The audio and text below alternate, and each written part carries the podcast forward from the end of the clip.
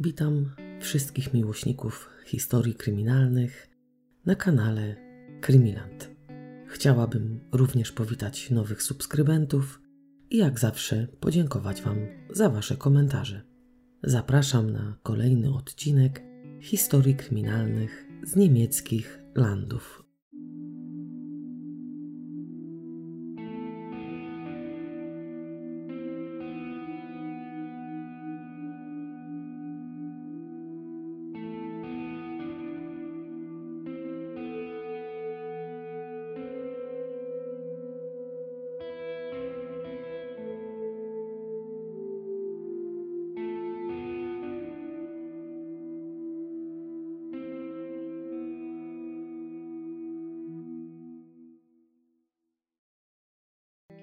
Często patrząc w piękne, rozgwieżdżone niebo, niezbyt wysoko nad horyzontem, dostrzegamy gwiazdę, która świeci najjaśniej. Ci, którzy interesują się astronomią, wiedzą, że jest to Syriusz, a dla tych, którzy interesują się mitologią grecką, Syriusz to nie tylko gwiazda, która raczy nas swym pięknem w pogodne noce. Dla fanów mitologii greckiej jest to również jeden z najwierniejszych psów Oriona. Gwiazda była różnie nazywana, ale wszystkie jej nazwy sprowadzały się do psa. Tak więc jedni znają ją jako psia gwiazda, a inni jako Syriusz. Nie będę się tutaj zagłębiała w mitologię grecką i to z jakiego powodu te postaci zostały umieszczone na nieboskłonie. To jest oczywiście bardzo ciekawe, ale my ze względu na charakter dzisiejszej opowieści powinniśmy przyjrzeć się z bliska samemu Syriuszowi, znajdującemu się w gwiazdozbiorze Wielkiego Psa. Żeby obserwować i podziwiać piękną mgławic, gromad gwiazd, ruchów planet i księżyca, często wystarczy zwykła amatorska luneta. Jednak, żeby pooglądać Syriusza i pozachwycać się jego biało-błękitnym blaskiem, wystarczy spojrzeć w niebo, bo jest on widoczny gołym okiem. Powiem Wam, że w sprzyjających warunkach można go nawet zaobserwować również w ciągu dnia. Syriusz świeci najjaśniej na naszym niebie, ponieważ znajduje się trochę ponad 8 lat świetlnych od Ziemi. Jeśli chcielibyśmy poznać odległość w kilometrach, takich tych naszych ziemskich, to jest to około 3 milionów kilometrów. Według astronomów jest to tak zwany rzut beretem od Ziemi. Psia gwiazda nie jest pojedynczym ciałem niebieskim, choć patrząc na nią mamy takie właśnie uczucie. Prawda jest taka, że Syriusz jest gwiazdą podwójną, która składa się z jasnej białej gwiazdy nazywanej Syriuszem A, któremu towarzyszy biały karzeł zwany Syriuszem B. Pomijając tu odkrycia astronomiczne, okazuje się, że Syriusz ma również ogromne znaczenie w ezoteryce. Ludzie, którym zależy na rozwoju duchowym, przebudzeniu, które oczywiście nie wygląda tak, jak to pokazano w Matrixie, jak i również ci, którzy wyznają tak zwany kult Syriusza, uważają, że gwiazda jest takim słońcem za słońcem, czyli czymś, co daje moc naszemu słońcu. Krótko mówiąc, bez pomocy Syriusza nie świeciłoby. A według wiedzy, jaką posiadamy, wiedzy, do której nie potrzeba ukończenia żadnych studiów, wiemy, że Słońce utrzymuje przy życiu nasz świat fizyczny. Ale o tym, że Syriusz utrzymuje przy życiu nasz świat duchowy, wiedzą właśnie tylko wtajemniczeni.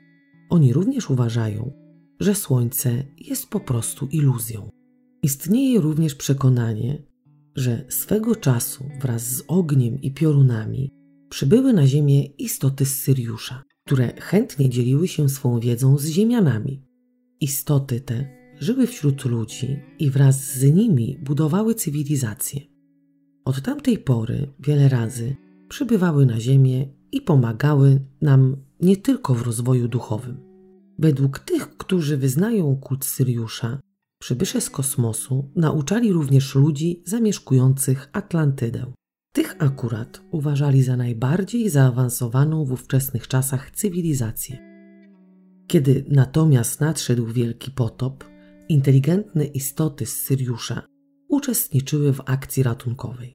Oczywiście Syriuszanie stoją również za zniknięciem Majów. Nie zniknęli ich w sposób magiczny. Oni ich po prostu uratowali. Według nauk ezoterycznych podwójna gwiazda Syriusz promienieje duchową energią, energią kosmicznej miłości, energią, która przenika wszystkie formy życia i jest obecna w każdym pojedynczym atomie. To promieniowanie ma na celu pomóc ludziom i całej planecie w jej duchowym rozwoju, w rozwijaniu czystego, autentycznego i niezafałszowanego życia. Istoty zamieszkujące psią gwiazdę uważają, że my ludzie musimy poddać się działaniu tej energii. Oczywiście nie musimy, ale powinniśmy chcieć się poddać wpływom energii płynącej z najjaśniejszej gwiazdy. Jeśli się temu poddamy, wówczas nasze słowa, czyny i myśli staną się przejawem uniwersalnej mądrości, przyczyniając się zarazem do umacniania harmonii i pokoju. Mędrcy żyjący na psiej gwieździe zalecają regularne medytacje, modlitwy, słuchanie własnego serca, poszukiwanie intuicji i wewnętrznej inspiracji, uwalnianie się spod presji i władzy dogmatycznych autorytetów, częste i głębokie kontakty z naturą, podtrzymywanie więzi z całym ożywionym światem, czyli rozroślinami, skałami, zwierzętami, ziemią, wodą, powietrzem. Zalecają również całkowite porzucenie mistyfikacji i odwrócenie się od szkodliwych ideologii. To ma na celu pomóc nam, niezbyt inteligentnej rasie, osiągnąć duchową perfekcję równą tym, którzy zamieszkują Syriusza. Wiadomo, jeśli tą perfekcję osiągniemy, to nasz rozwój duchowy też pójdzie w górę. Wszystko sprowadza się do tego, że Ziemianie muszą zrozumieć i przyswoić między innymi wielowymiarową naturę świata. Czyli, krótko mówiąc, muszą pojąć istotę dobra i zła, zrozumieć na czym polega męskość i żeńskość oraz nauczyć się empatii.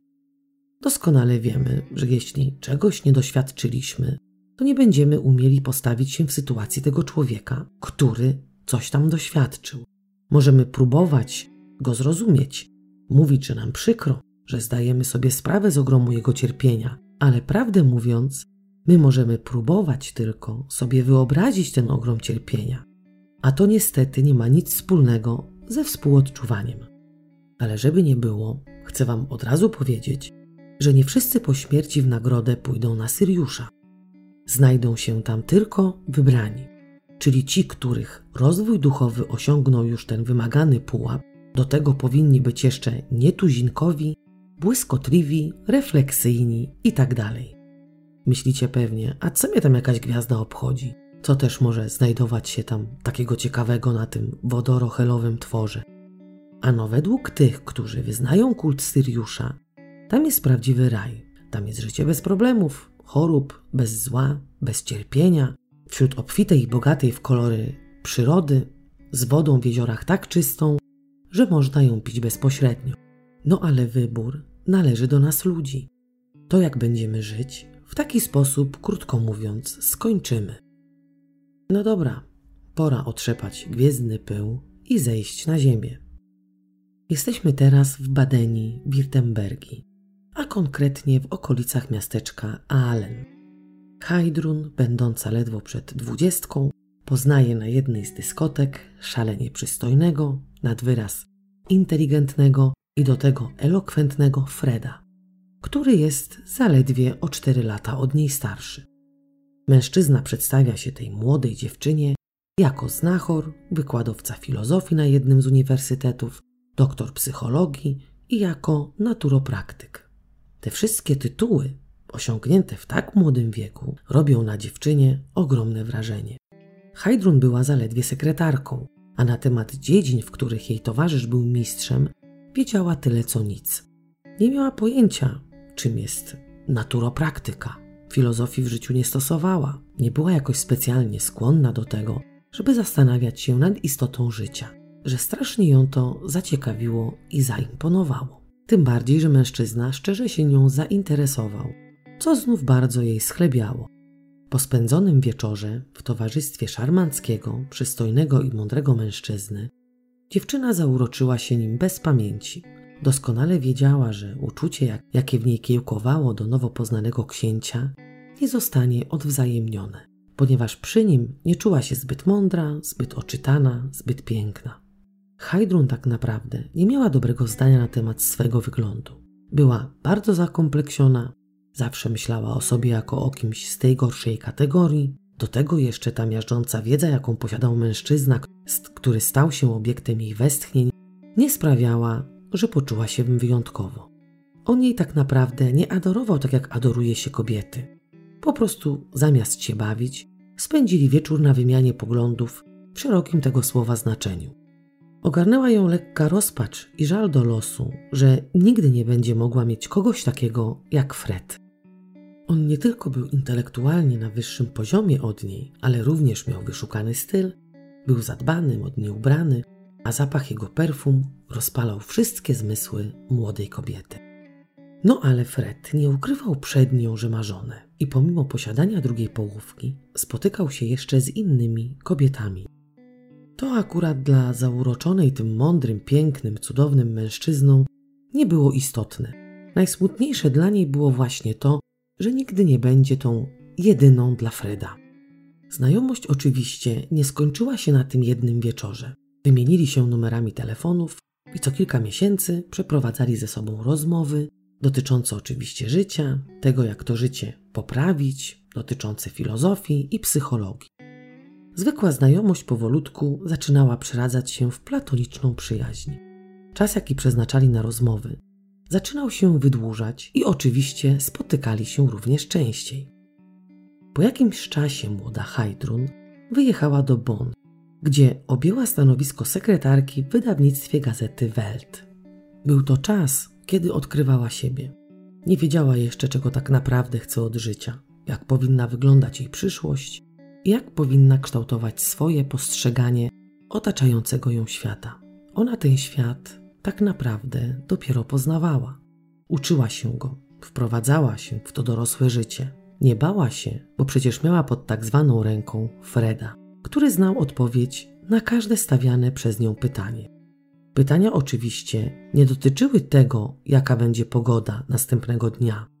One dotyczyły zawsze tego samego, czyli sensu egzystencji życia, filozofii i psychologii. Ta cała przyjaźń, jaka łączyła ją i Freda, do którego rwało się jej serce, nie opierała się na seksie. To była taka normalna, typowa przyjaźń. On czekał na każdy jej telefon, a ona chętnie do niego dzwoniła o każdej porze dnia i nocy. Heidrun tak naprawdę nie miała pojęcia, czy to, co jej wpojono w dzieciństwie, jest prawdą i czy rzeczywiście tak powinno się postrzegać życie. Chodzi tu po prostu o postrzeganie istoty Boga i tego, że jeśli będzie się odpowiednio postępować, otrzyma się nagrodę wejścia do świata, w którym mieszka oczywiście Bóg i będzie można pozostać tam na zawsze.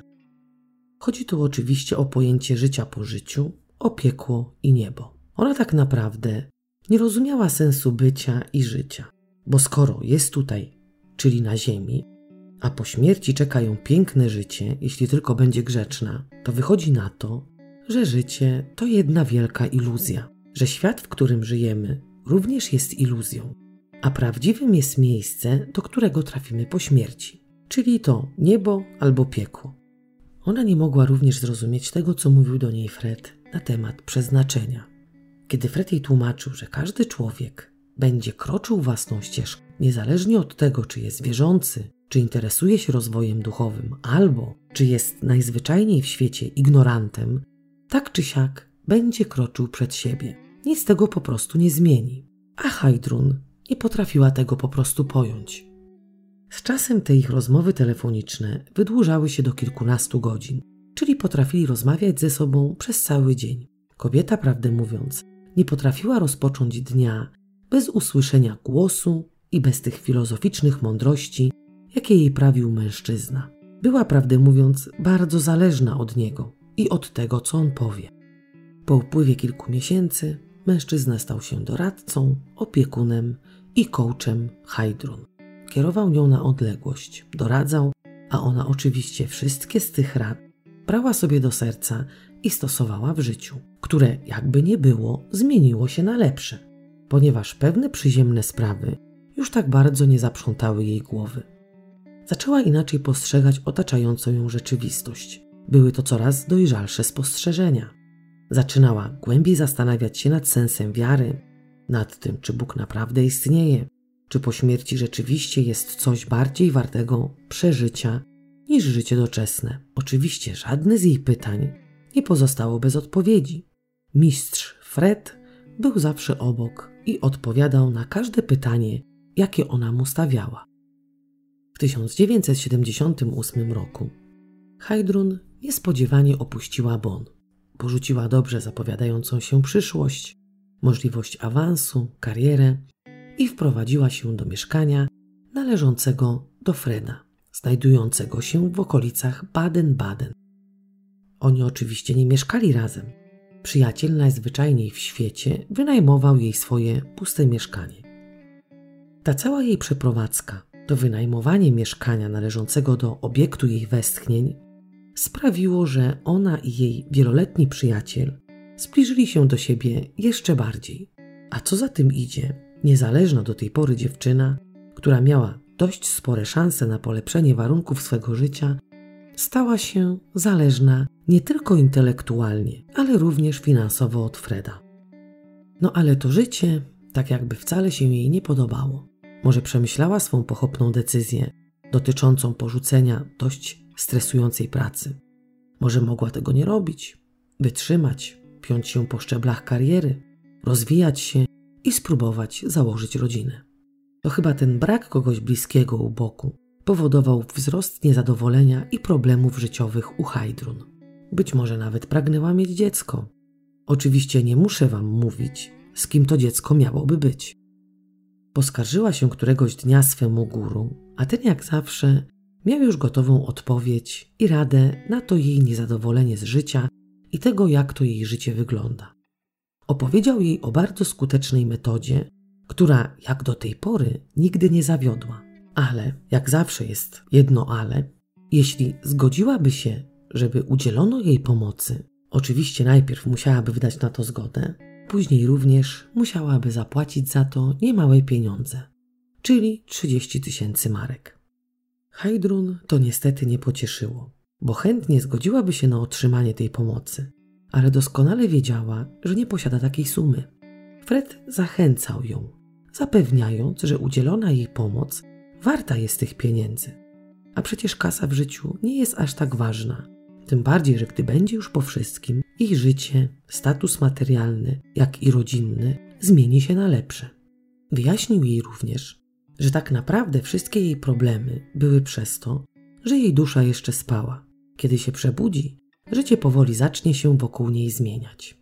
Oczywiście, jeśli chodzi o to całe przebudzenie duszy, nie znaczy to, że tak jak w Matrixie, kobieta otrzymałaby tabletkę i przeszłaby ze świata iluzji do tego normalnego. Ludzie uważają, że czas spędzony na Ziemi jest tylko i wyłącznie pewnego rodzaju przygotowaniem do tej chwili, kiedy po śmierci ciała dusza zacznie się wybudzać. To całe przebudzenie duszy polega na w pełni świadomym życiu, tu i teraz, nie w przyszłości czy też w jakimś niebie, w którym nie ma cierpienia i borykania się z codziennymi problemami. Wszystko polega na zrozumieniu, że idealne duchowe życie prowadzimy już teraz, tym właśnie momencie, w tym jakże niedoskonałym świecie, pełnym zła i cierpienia. No dobra, a co się stanie, jeśli zaczniemy żyć świadomie tu i teraz? Przestaniemy się bać przyszłości, przestaniemy się bać tego życia, problemów z nim związanych, a inni ludzie nie będą budzić w nas grozy. Oczywiście nie znaczy to również, że kiedy nastąpi to przebudzenie się duszy, będziemy chodzić ciągle szczęśliwi, z przyklejonym uśmiechem do twarzy. To całe przebudzenie ma nam dać zrozumienie każdej sytuacji, z jaką przyjdzie nam się zmierzyć w życiu. Zrozumienie doświadczeń, niezależnie od tego, czy byłyby one pozytywne, czy też negatywne.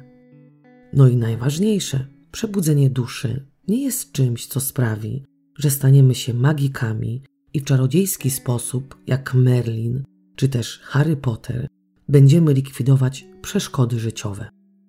Tego właśnie chciała Hydrun. Pragnęła tego zrozumienia, przebudzenia duszy, a co za tym idzie, rozwoju duchowego. Ale pomijając już te wielkie pieniądze, jakie miała zapłacić, we wszystko, co miało się wydarzyć, musiała włożyć wielki wysiłek intelektualny. dla dziewczyny było dziwne to, dlaczego sam Fred nie może jej pomóc. Na to pytanie również padła szybka odpowiedź. On nie mógł tego dokonać, ponieważ mimo to, iż jego rozwój duchowy jest już na bardzo wysokim poziomie, to tak naprawdę on nie jest upoważniony do przeprowadzania tego typu zabiegów. To kto w takim razie był do tego upoważniony? Pewien mnich, znajdujący się w klasztorze, którego położenia nikt nie znał, nawet sam przyjaciel Hajdrun, mógł jej pomóc. Jednak nie byłaby to darmowa pomoc, ponieważ mnich Uliko z rodu Dożów potrzebował funduszy na swój klasztor, czyli oczywiście pomaga w dobrej wierze i w dobrej wierze pobiera opłaty za swą pomoc. Klasztor to bardzo ważna sprawa, szczególnie jeśli robi się tak wspaniałe rzeczy i tak bardzo pomaga się ludziom. Fred po poinformowaniu jej zostawił kobietę, żeby się zastanowiła, czy rzeczywiście chce tego przebudzenia i czy będzie gotowa na uiszczenie tak wysokiej opłaty. Hajdrun nie powinna się długo zastanawiać, ponieważ Uliko może się rozmyślić, a on lubi zdecydowanych ludzi, a nie takich, którzy mieliby mu tylną część ciała zawracać. Oczywiście Uliko wyznaczył termin, do kiedy czeka na przelew. Jeśli w tym danym czasie kasa nie znajdzie się na jego koncie, on wraca po prostu do swoich zajęć i nie będzie już więcej zawracał sobie głowy jakąś mało zdecydowaną, być może nawet rozwydrzoną panną. No cóż, kobieta chciała jak najbardziej, żeby jej dusza w końcu się przebudziła. Nie bardzo wiedziała sama, jak ma tego dokonać. Dlatego potrzebowała pomocy. Kogoś doświadczonego. Ubolewała nad tym, że jej mistrz Joda, czyli Fred, nie był w stanie jej pomóc. Dlatego czym prędzej następnego dnia znalazła się w swoim banku i złożyła wniosek o pożyczkę. Nic nie stało na przeszkodzie, żeby nie udzielono jej tak wysokiego kredytu, więc całą opłatę uiściła grubo przed wyznaczonym czasem przez mnicha Uriko. Kiedy już wszystkie te ważne sprawy zostały załatwione, Hajdrun zapytała swego Freda, w jaki sposób będzie odbywało się to przebudzenie jej duszy. Ten odpowiedział jej, że Uriko ma się wprowadzić w stan bardzo, naprawdę bardzo głębokiej medytacji i kiedy Hajdrun będzie sobie słodko spała, on spotka się z jej duszą. Podczas snu ciało nie panuje nad duszą, a co za tym idzie, dostępu do jej duszy nie będzie również blokowało jej mało doskonałe ciało. Podczas tej ciężkiej pracy i wysiłku, jaki Uliko włoży w udzielenie jej pomocy, dusza Hajdrun miała nie tylko się przebudzić, ale nawet przejść kilka, a nawet kilkanaście poziomów wyżej w rozwoju duchowym. Fred ostrzegł swoją przyjaciółkę, że może zdarzyć się tak, że będzie budziła się zmęczona i niewyspana, bo prawdopodobnie będzie wówczas opuszczać ciało i spotykać się z najwyższym z najwyższych mnichów, który będzie bardzo ciężko pracował nad jej przyszłością. Co wieczór przez jakiś czas, pełna nadziei Hajdrun, kładła się spać, czekając na te wielkie zmiany związane z przebudzeniem jej duszy. Jednak czas mijał, a dziewczyna nie była w pełni usatysfakcjonowana niby swoim postępem duchowym. Ciągle czekała na rezultaty pracy Uliko z rodu Dożów. Ale te rezultaty nie następowały. Nie czuła żadnej, nawet minimalnej zmiany. Nie czuła się lepiej, wręcz nawet gorzej, bo frustracja z powodu niemożności dorównania mistrzowi Fredowi sięgała zenitu. Chodziła smutna i traciła cierpliwość. Zastanawiała się, co jest. Przecież miała to być jedyna, najskuteczniejsza metoda, za którą zapłaciła kupę kasy. Miało być lepiej, a nie jest. Ileż można czekać? Minęło kilka miesięcy, a tu jak zmian nie ma, tak nie ma. Kiedy pytała swojego przyjaciela o postępy Uliko, ten ją zbywał, zmieniał temat albo mówił patetycznym tonem, że cierpliwość jest cnotą, której ona, jak wiele innych cnót, nie posiada. To wyciszało na jakiś czas Hajdrun. Nie dopytywała. Siedziała cierpliwie i czekała na to, co miało nastąpić. Ale to ciągle nie następowało. Kiedy już nie odpuszczała, nie dawała się zbywać, wówczas mistrz Fred poinformował ją, że biedny Uriko podczas tych medytacji naraził się na wielkie niebezpieczeństwo i że wielkim szczęściem jest to, że nic mu się nie stało. Bo gdyby poniósł jakieś straty albo miałby problemy, to wówczas on i Hajdrun mieliby dopiero nie lada problemy. No ale co to za niebezpieczeństwo?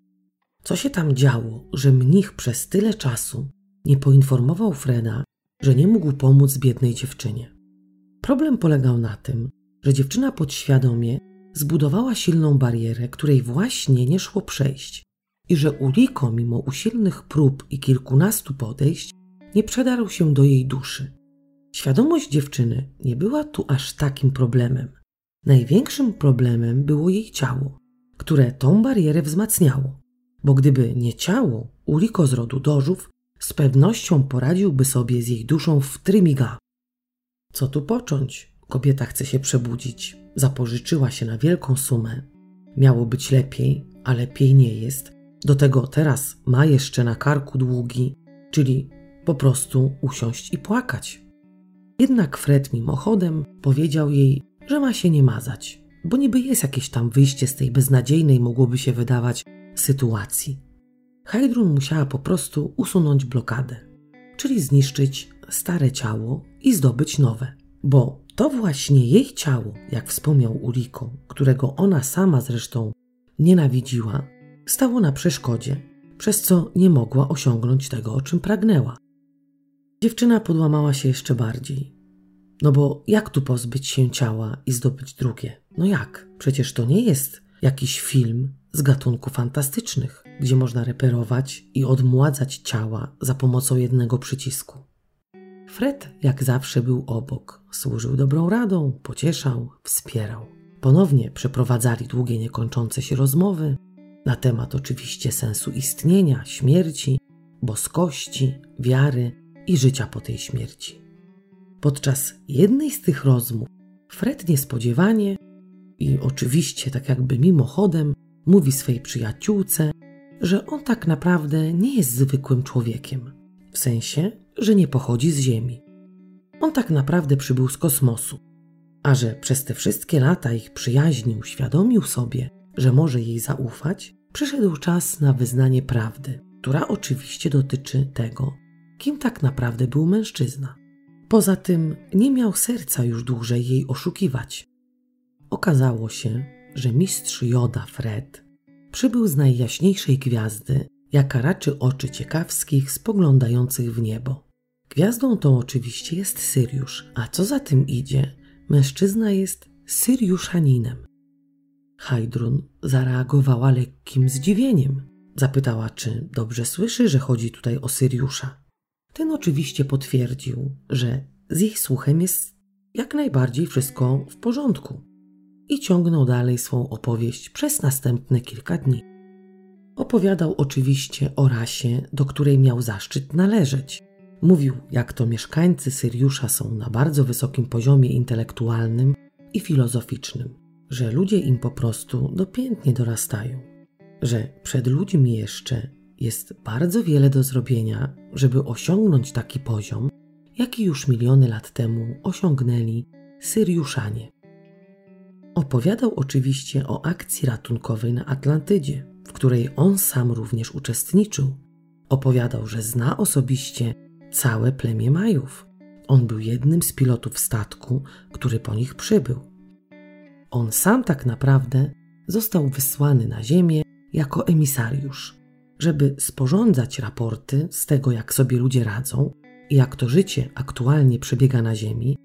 Po drugie, z uwagi na to, że jest ważną osobistością wśród swoich, pozwolono mu umożliwić wybranym przez niego ludziom którzy osiągnęli już ten najwyższy i wymagany przez Syriuszan poziom rozwoju duchowego, dalsze wieczne życie na Syriuszu wśród bardzo inteligentnych istot, w otoczeniu pięknej przyrody, tam gdzie zło zostało już całkowicie wyeliminowane.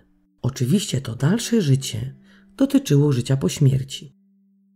Mówił oczywiście też o tym, że, że kilka dni wstecz dostał wiadomość od swoich przełożonych z Syriusza, że Hajdrun również należy do tych wybrańców, którzy mieli ten zaszczyt znaleźć się po śmierci na tej pięknej planecie.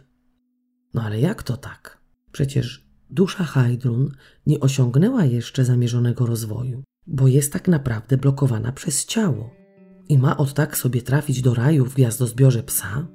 Fred uświadomił ją, że ta musi spełnić kilka warunków. Jednym z nich jest właśnie ten rozwój jej duszy i to przebudzenie tej duszy. Ale żeby po śmierci dostać się na Syriusza, musiała całkowicie najpierw zniszczyć swoje własne ciało. Kobieta wierzyła ślepo w każdą opowieść swojego przyjaciela i nawet przez chwilę nie pomyślała, że głupie jest to, co on do niej mówi. Ufała mu, bo tak naprawdę nie miała powodów, żeby mu nie ufać.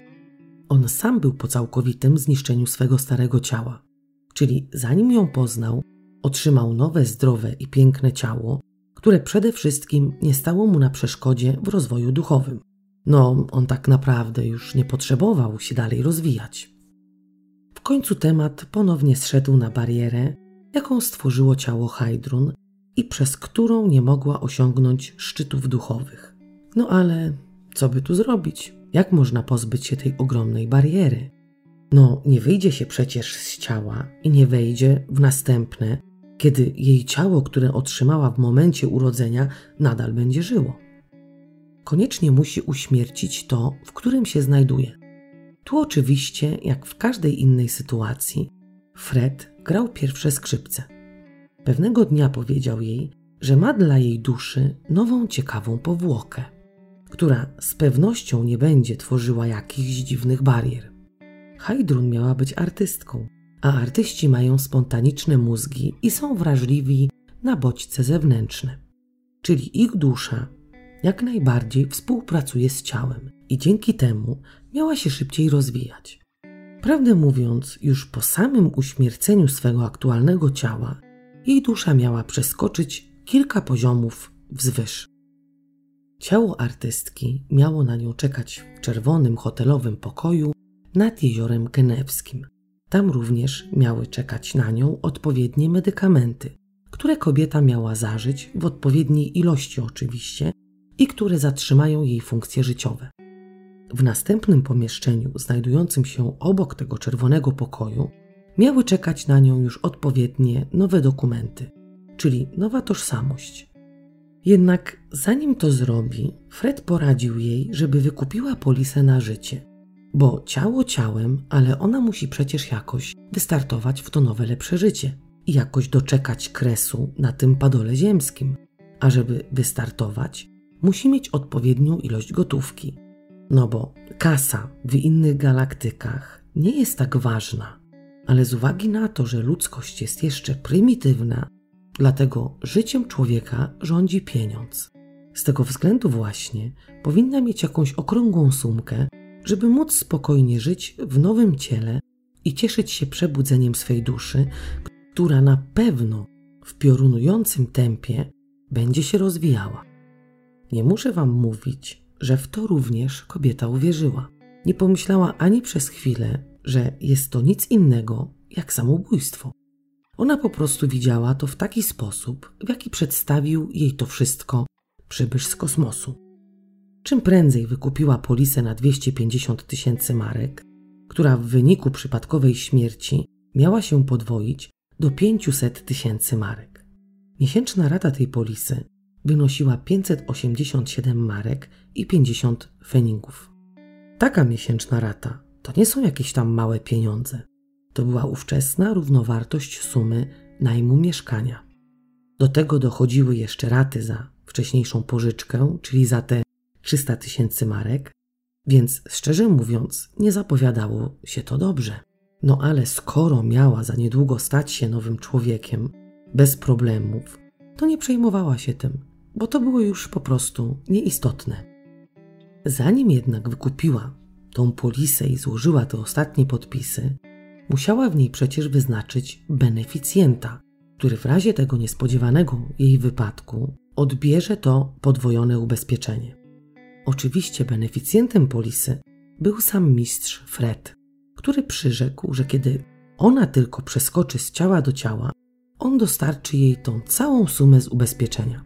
Hajdrum ufała ślepo swemu życiowemu przewodnikowi i przekazała mu jeszcze 4000 marek, które były jej oszczędnościami. No bo po co miała to zostawiać, kiedy niedługo zacznie całkiem nowe życie? Mężczyzna oczywiście te cztery tysiące miał jej również przekazać zaraz po dokonaniu tej wielkiej przemiany. Jeśli suma ubezpieczenia miała zostać wypłacona z powodu jakiegoś nieszczęśliwego wypadku, to plan z czerwonym pokojem i odpowiednimi medykamentami musiał zostać natychmiast zmieniony. Wspólnie doszli do wniosku, że skoro ma to być wypadek, to ona ulegnie śmiertelnemu wypadkowi samochodowemu. Również wspólnie, podekscytowani oczywiście, jakby wygrali milion w totka, szukali odpowiedniego miejsca na dokonanie tego, co zamierzali. Miejsce znaleźli bardzo szybko. Miał to być filar mostu, drogi dojazdowej do autostrady, a wypadek miał mieć miejsce w święta Bożego Narodzenia 1979 roku. Wówczas Heidrun byłaby 30-letnią kobietą. No ale stało się coś, co spowodowało, że plan, który tak misternie ułożyli, legł ponownie w gruzach. Żona Freda, Heike, 3 grudnia 1979 roku popełniła samobójstwo, strzelając sobie w głowę.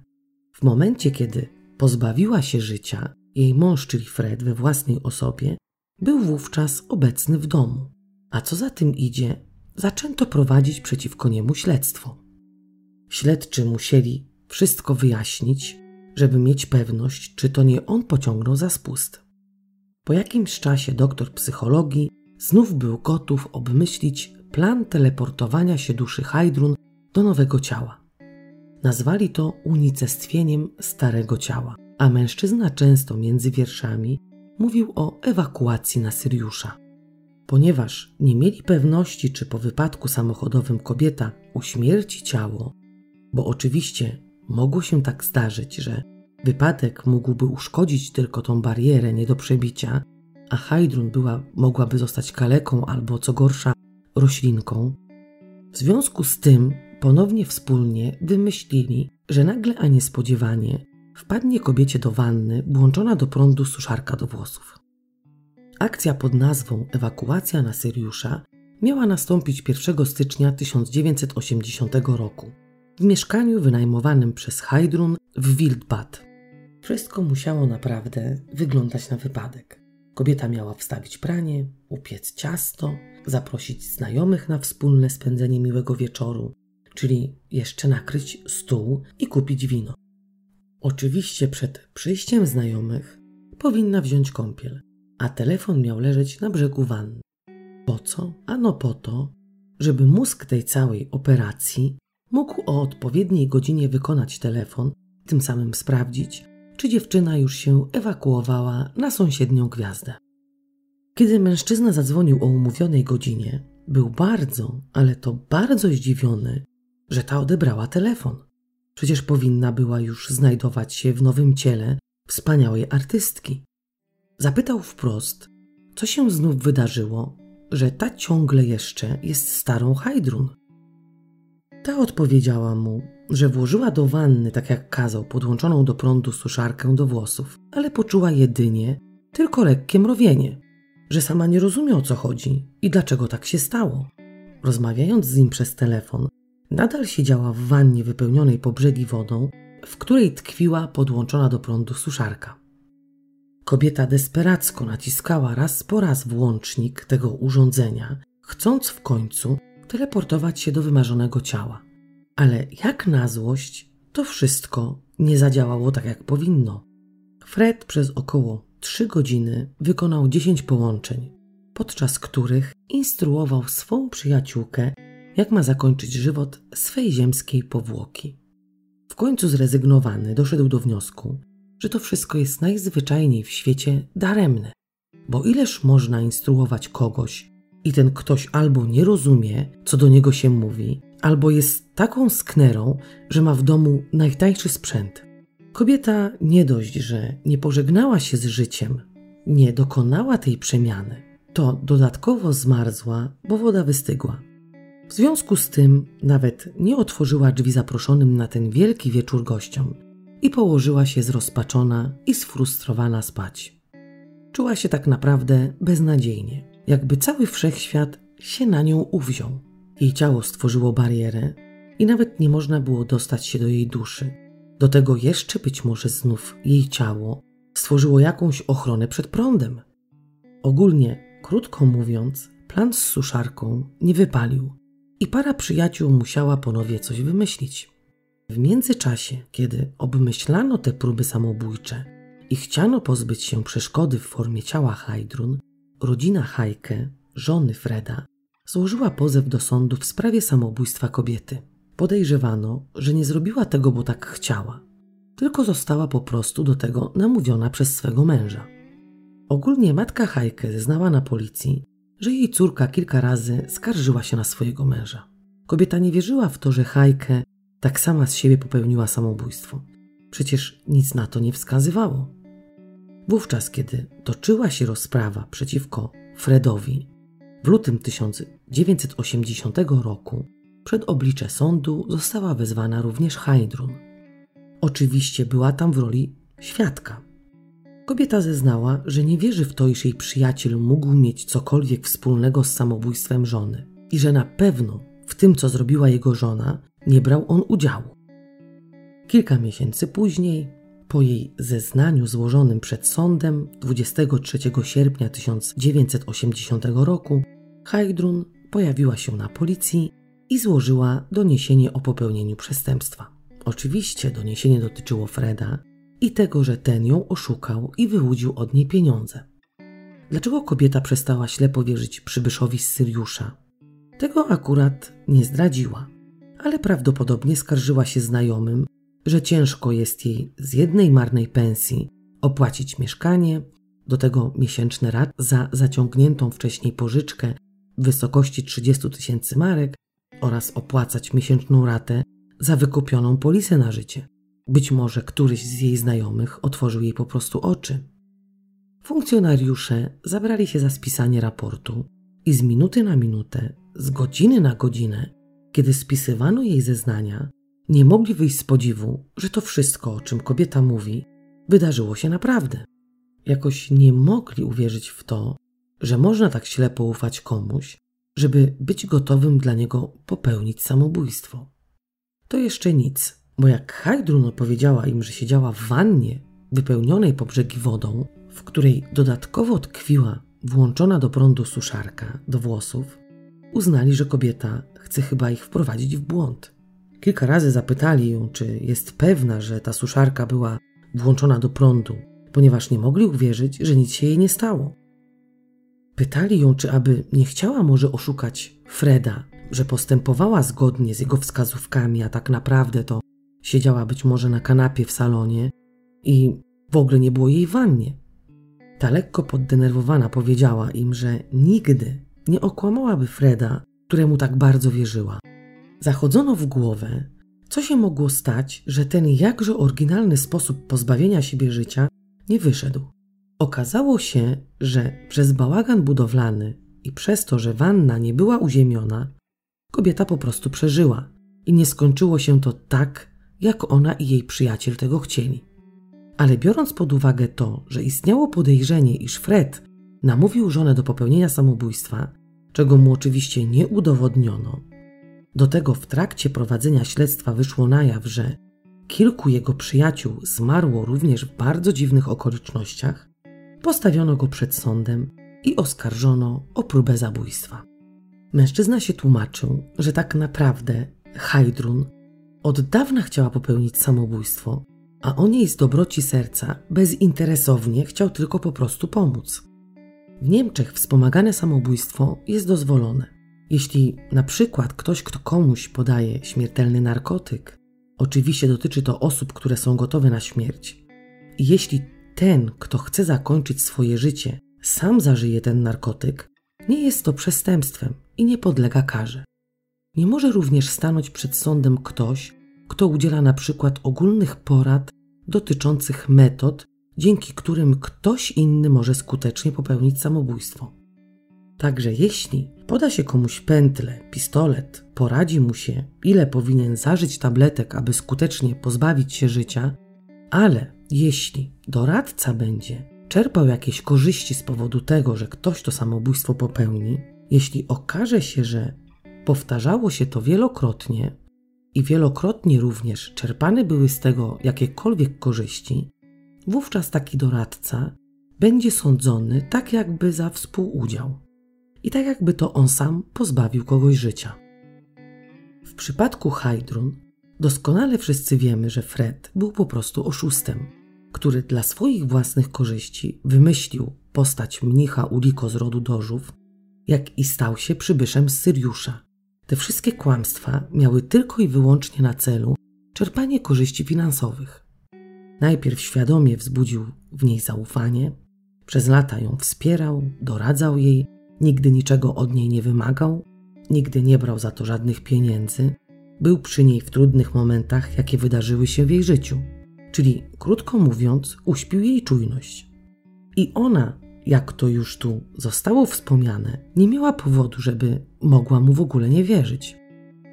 Jest to dla nas po prostu niewiarygodne ale przyjmijmy, że Heidrun postrzegała Freda przez pryzmat własnej osoby.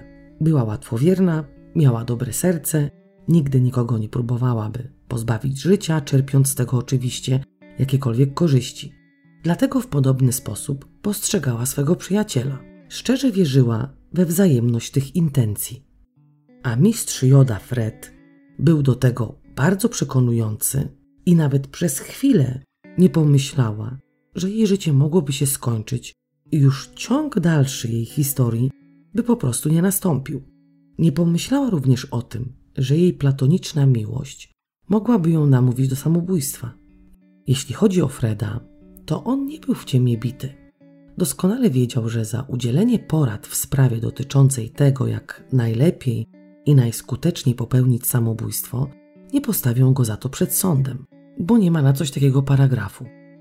Dlatego zdziwił się bardzo i ten zawadiacki uśmieszek zniknął mu z twarzy, kiedy usłyszał, że próbując czerpać korzyści, w tym przypadku materialne, podpięli to pod chciwość.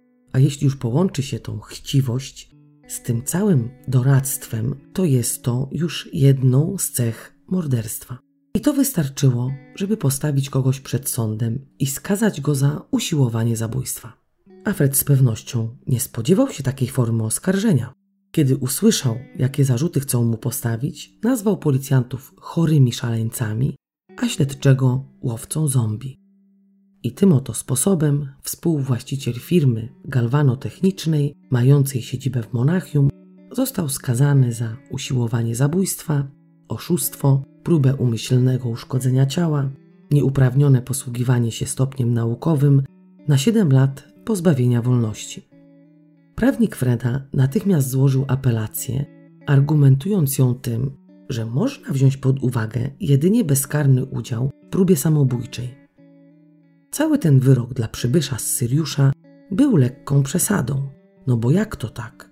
On tu bezinteresownie chciał pomóc przyjaciółce, nie wypowiadał się już oczywiście na temat życia na Syriuszu i z jakiego powodu go wysłano na ziemię, Mówił tylko o najzwyczajniejszej w świecie pomocy. A to, że Hajdrun chciała się pożegnać z życiem, to już nie był jego problem. Trybunał Konstytucyjny podtrzymał wyrok sądu pierwszej instancji i uznał, że zgodnie z ustaleniami oskarżony celowo manipulował swoją ofiarą, nie tłumacząc jej oczywiście, że poprzez takie działanie ta najzwyczajniej w świecie pożegna się z życiem i nie pomoże tu już żadna teleportacja ani przyjaciel z kosmosu. Według tego Trybunału Konstytucyjnego Heidrun była po prostu podatna na sugestie, nawet na te najbardziej niewiarygodne. Jeśli nawet gdyby miała świadomość tego, że to przebudzenie jej duszy miałoby poprzedzić jej śmierć, Fred tak czy siak zostałby skazany. Podczas odczytywania wyroku doktor psychologii mamrotał pod nosem coś o diabelskich polowaniach i absurdalnie złej ocenie jego osoby. Przecież on nie jest zły, on nikomu krzywdy nie zrobił. Sąd niestety nie był w stanie udowodnić mu, że w poprzednich przypadkach związanych z jego przyjaciółmi i żoną miał również coś wspólnego. Po odbyciu pełnej kary 31 października 1988 roku wyszedł na wolność, ale przebywając w więzieniu nie pozostawał bierny. Za pomocą kobiety, którą poznał korespondencyjnie, czyli za pomocą następnej łatwowiernej, której być może również nawijał makaron na uszy na temat tego, że jest przybyszem z kosmosu, założył firmę zajmującą się skrzynkami pocztowymi. Co to za firma? To tak zwana firma krzak, która istnieje tylko i wyłącznie na papierze. A to znów oznacza, że w określonej na tym papierze lokalizacji znajduje się skrzynka na listy. Nie można tam znaleźć ani biura, ani lokalu firmy. W większości przypadków takie firmy mają adres znajdujący się za granicą. Prawdę mówiąc, jeśli ktoś zakłada taką właśnie firemkę i podaje adres pocztowy, czyli tak zwany adres wezwania, jest to tak jakby zapewnienie, że szefostwo owej firmy będzie również dostępne za pomocą poczty, czyli można do nich wysyłać pisma, co sprawia, że prawnego punktu widzenia taka firma jest jak najbardziej legalna. Ale jaki jest tak naprawdę cel założenia takiej firmy? W większości przypadków głównym celem jest ukrycie jej prawdziwej lokalizacji. A co za tym idzie, służy to również do tego, żeby móc ukryć przepływy pieniężne, jak i obejścia roszczeń z tytułu odpowiedzialności. Dość często zdarza się tak, że takie firmy prowadzą oszustwa podatkowe na dość dużą skalę przestępczą. Fred oczywiście za pomocą tej swojej działalności właśnie próbował ukraść dość sporo pieniędzy. Oczywiście postawiono go ponownie przed sądem i skazano na dwa lata i trzy miesiące pozbawienia wolności. Po odbyciu tej kary słuch o nim zaginął. Może ewakuował się na Syriusza. W zakładzie karnym prawdopodobnie nieźle mu szło mamienie kobiet i opowiadanie im różnych historyjek na swój temat. Fred to po prostu taki tulipan przestworzy kosmicznych. Na temat zaangażowanych w tę sprawę nie ma wiele informacji. Mogę dodać tylko jeszcze, że Heidrun urodziła się w 1951 roku, a jeśli chodzi o datę ich spotkania, to podają różnie. Raz piszą, że u schyłku lat 70. się poznali, a innym razem, że na przełomie 1975-76 roku. Ta sprawa, pomimo upływu lat, jest przykładową sprawą, z jaką muszą zmierzyć się studenci prawa. Do dziś prawdopodobnie profesorowie wykładają ten przypadek na studiach. Myślę, że teraz wielu z Was całkiem inaczej będzie już spoglądać w niebo, jak i pod innym kątem dokona obserwacji, żeby wypatrzeć Syriusza. Nie wiadomo, może wśród nas, może któryś z naszych sąsiadów jest wysłannikiem z tej pięknej gwiazdy i bacznie przygląda się naszym poczynaniom. A może te historie z Syriuszem w tle i ich wysłannikami to bójdy na rysorach? Jestem bardzo ciekawa, co myślicie na temat tej trochę dziwnej sprawy. Jak zawsze życzę Wam wszystkiego dobrego i do usłyszenia wkrótce.